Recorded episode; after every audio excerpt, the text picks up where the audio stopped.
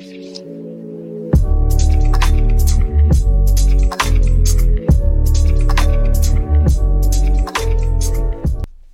och välkomna tillbaka till Freneshus-podden.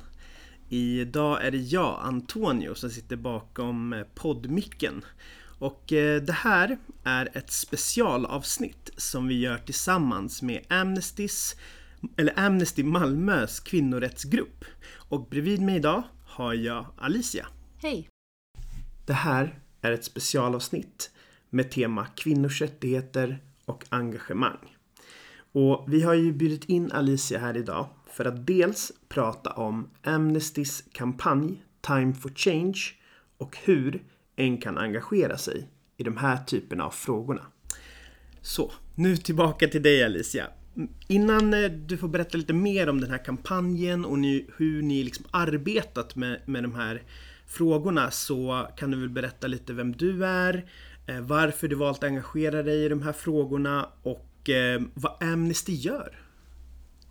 Ja men absolut. Så mitt namn är Alicia och när jag inte är aktiv i Amnesty så är jag också student vid Lunds universitet.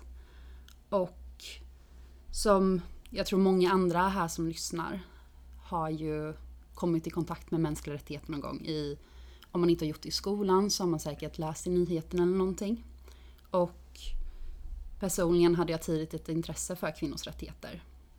Och sen kom jag till Lunds universitet och började ja, men, läsa fred och konfliktvetenskap, kom ännu mer i kontakt med det och det var väl första gången jag började förstå att man kunde vara aktiv inom om en organisation som Amnesty. Att det inte behöver vara rent politiskt men att man jobbar mer om ideellt med en fråga som intresserar en själv. Så jag började gå in, gick in på volontärbanken, såg att det var en nystartad kvinnorättsgrupp i Malmö. Skrev att jag ville vara med och sen har jag varit med där i fyra år nu. coolt ändå att så här, engagemanget hållit i sig och att du eh, hittade liksom rätt sak. För jag tänker att det finns många föreningar som jobbar med olika frågor. Ehm, men just det här lockade dig. Ja, jag skulle säkert kunna vara med i någon annan kvinnorättsorganisation. Det finns ju så himla många olika sätt att jobba med det här och inget sätt är ju nödvändigtvis bättre än det andra. Men jag känner just det här liksom påverkansarbete, man får gå ut och prata med folk, lite utbildning, jag får spela in podd. Det blir väldigt, och med många olika sätt att jobba med det, mycket frihet och det är väldigt kul. Tack så hemskt mycket. Jag tror det här kan engagera många unga. Eh, kanske som kanske behöver den här sista pushen. Eh, jag själv behövde det, minns jag i alla fall, när jag gick på gymnasiet. Men eh, vårt tema idag är kvinnors rättigheter. Ehm, berätta lite mer om hur ni på Amnesty jobbar med de här frågorna. Ja, men, men att börja med så kan jag berätta lite generellt om Amnesty. Så det är ju en internationell människorättsorganisation som arbetar med brott mot mänskliga rättigheter och människorättsförsvarare världen över. Och så finns det olika sektioner och jag är ju då aktiv i en grupp som är knuten till Amnesty Sverige.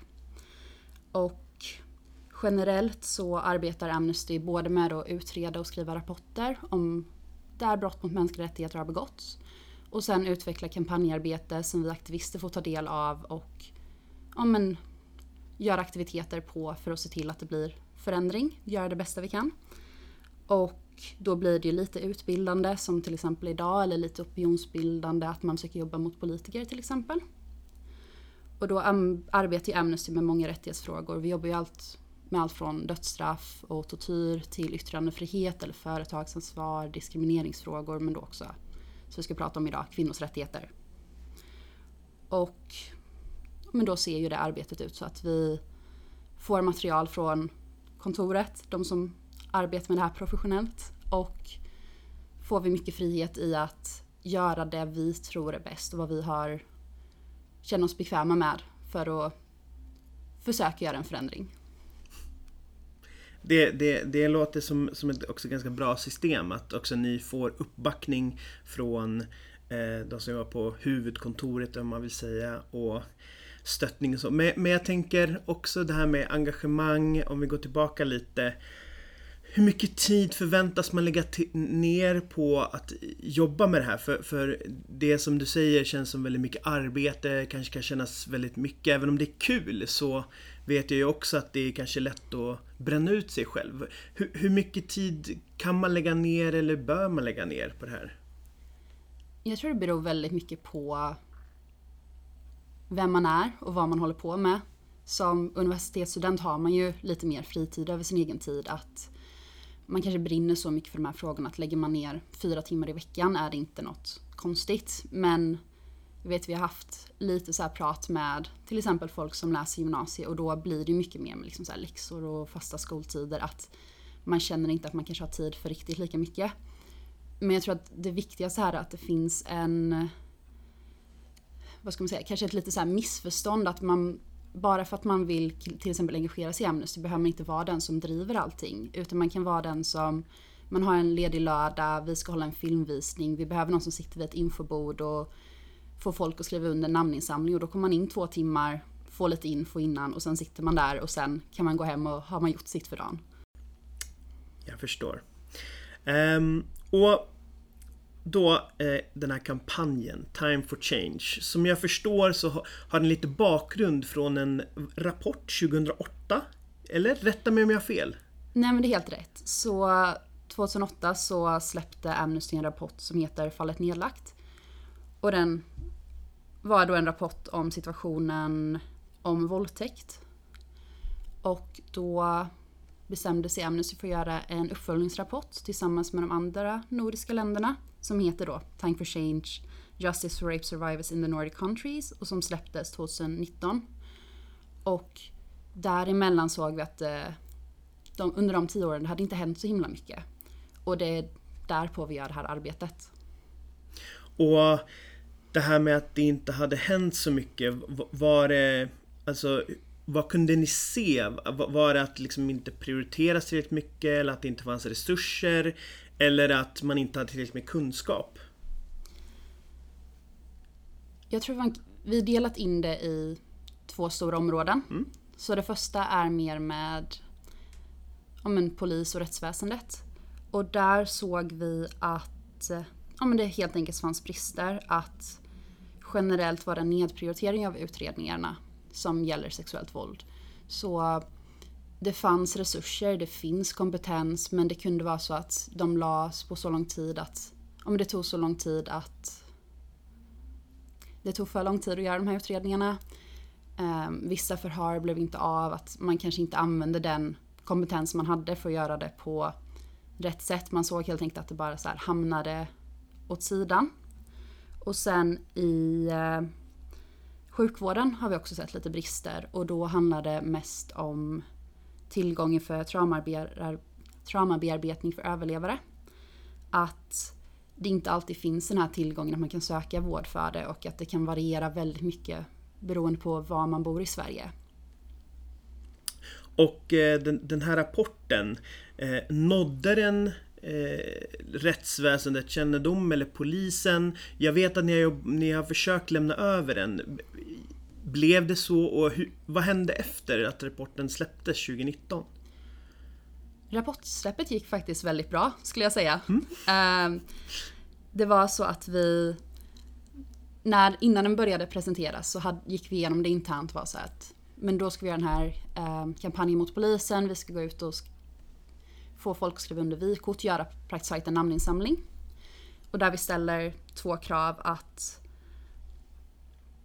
helt enkelt att våldtäktsutredningar ska prioriteras och att DNA-prov ska gå snabbare.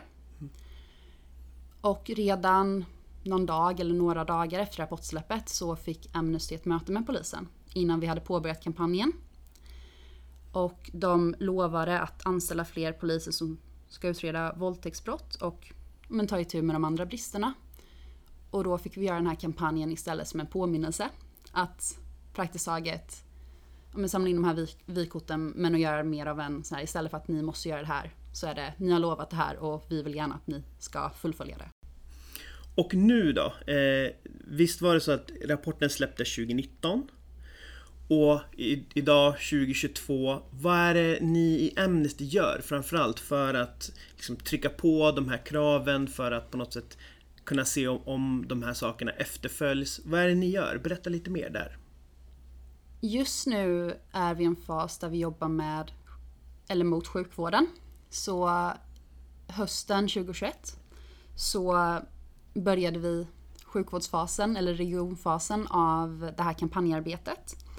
Där vi om en praktiskt taget eh, går ut och pratar med politiker, säger att det finns det här stora mörkertalet och det stora liksom behovet att det här är ett någonting som många utsätts för. Jag tror att siffror från 2017 visar att i Sverige utsattes en tredjedel av alla kvinnor mellan 16 och 24 år för någon typ av sexualbrott 2017. Och samma år utsattes motsvarande 112 000 för våldtäkt eller sexuella övergrepp. Så det finns ju definitivt ett vårdbehov där de som har utsatts, nu fokuserar rapporten på kvinnor för det är majoriteten, men självklart så inkluderar vi också transpersoner, män, icke-binära. Att det här är någonting som alla ska få hjälp med om de behöver det. Och då i Skåne jobbar vi med en könsneutral mottagning som har utlovats av politikerna 2016.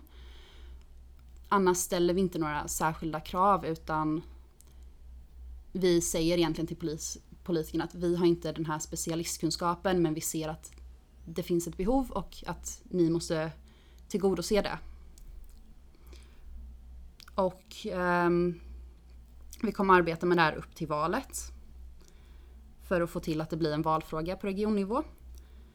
Och det arbetet ja, men, ser lite olika ut beroende på vilken region man arbetar i. Så vi har haft eh, samtal med de flesta partierna. Vi har lite kontakt och delar information med RFSL. För de har ju väldigt mycket kunskap om den här frågan som vi inte har. Och har också, vilket var jättekul att få sitta med på, fått med på en workshop som hölls av universitet, universitetssjukhuset som haft det här ansvaret att eh, starta upp den här mottagningen. Och någonting som jag inte är lika involverad i är att vi håller på att sätta ihop en konstutställning. Där överlevare får skicka in men konst om sin erfarenhet för att liksom uttrycka varför de tycker det här är en viktig fråga och vilken hjälp de skulle vilja ha haft när de har kommit i kontakt med sjukvården. Så det är ju väldigt så här, blandat arbete. Det ser inte likadant ut överallt och det är mycket så här, vad tyckte vi var kul att göra eller var spännande att göra. Intressant att lyssna på. och Um, viktigt arbete som, som pågår. Jag tänker också på när det kom, den här statistiken. Eh, också sett eh, från en studie från Folkhälsomyndigheten 2018 men även från BRÅ, Brottsförebyggande rådet, att det är framförallt också unga kvinnor som är de som utsätts mest för det sexuella våldet. Och jag tänker här finns det också en viktig eh, aspekt av det förebyggande arbetet, vilket ja, jag tänker att återigen skolan kan ha en viktig roll. Eh, vad tror du att skolan skulle kunna göra för att på något sätt belysa problematiken eller börja kanske jobba förebyggande? Det är inte en fråga som Amnesty um, har tagit någon så ställning i. Det finns om en andra organisationer som jag tror Fatta gör mycket arbete inom till exempel samtyckesundervisning och att utveckla den. Så jag skulle säga att personligen att ja, men jag tror någonting som till exempel Fatta gör, att trycka på det här med samtycke, att få den här förståelsen till exempel av vad samtyckeslagen faktiskt betyder. Att om ett jag är ett ja istället för den, ungefär, om man ska väldigt förenklat, att den tidigare lagen var mer nej är nej. Så att ha den här, ja men, om man utveckla den här förståelsen av hur man har sex med samtycke. Tack så hemskt mycket. Eh, och eh, du var inne på där, det är, det är valår i år. Eh, blir extra viktigt att trycka på de här frågorna till politiker. Hur ser det ut på den fronten? Du nämnde lite kort, men vill du berätta lite mer? Jo, men eh, den stora grejen är ju att vi går ut och har politikersamtal. Att just nu har vi ja, men, kollat lite med partierna inför de har satt sina valprogram. För att se om vi kan få dem att lyfta frågan och också få lite så här, ja, men, känn på hur de ställer sig till det här. Och sen när valprogrammen har satts så kommer vi ta och gå igenom dem, se vad vi kan bygga på. Har de lyft frågan superbra? Har de inte så kanske de till exempel pratar om psykiatrin. Där vi kan få in liksom lång, att, hur viktigt det är med långvarig traumabearbetning för överlevare sexuellt våld. Och eh, sen vad vi har pratat mycket om här i Malmö är ja, men också att visa att väljarna tycker det är en viktig fråga. Att vi kan inte bara gå ut och säga att det här är viktigt. Det håller de, åtminstone här i Malmö, ofta, eller ja, Skåne. Det håller de ofta med om. Så nu är vi lite i en fas där vi försöker fundera på, om man till exempel har en namninsamling på 8 mars. Och men, ta lite tempen och verkligen visa att men väljarna håller med oss. Det här är någonting som behövs och det är viktigt att ni liksom lyssnar på folket. Låter som en bra plan. Vi eh, börjar gå mot slutet här och om du skulle sammanfatta lite kort. Vad, vad är de viktigaste sakerna? En, två eller tre saker. Vad, vad skulle du säga då? De två viktigaste sakerna är väl att eh, det här ska vara en prioriterad fråga hos polisen och rättsväsendet.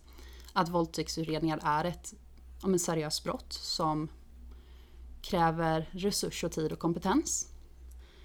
Och att när brottet har begåtts, att överlevare av sexuellt våld oberoende av ålder, kön, var de bor, om man anmält eller inte, ska ha rätt och tillgång till eh, långvarig traumabearbetning.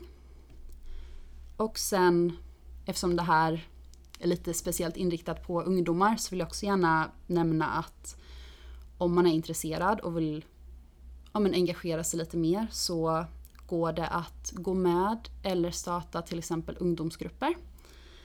Det är en grupp som består av unga medlemmar och ofta är knuten till en gymnasieskola. Och då får man göra allt det vi har pratat om i den här podden. Man får göra eh, kampanjarbetet, man får jobba med till exempel Time for Change-rapporten om man vill jobba med kvinnors rättigheter. Men man får lite extra stöd från de som jobbar på Amnesty.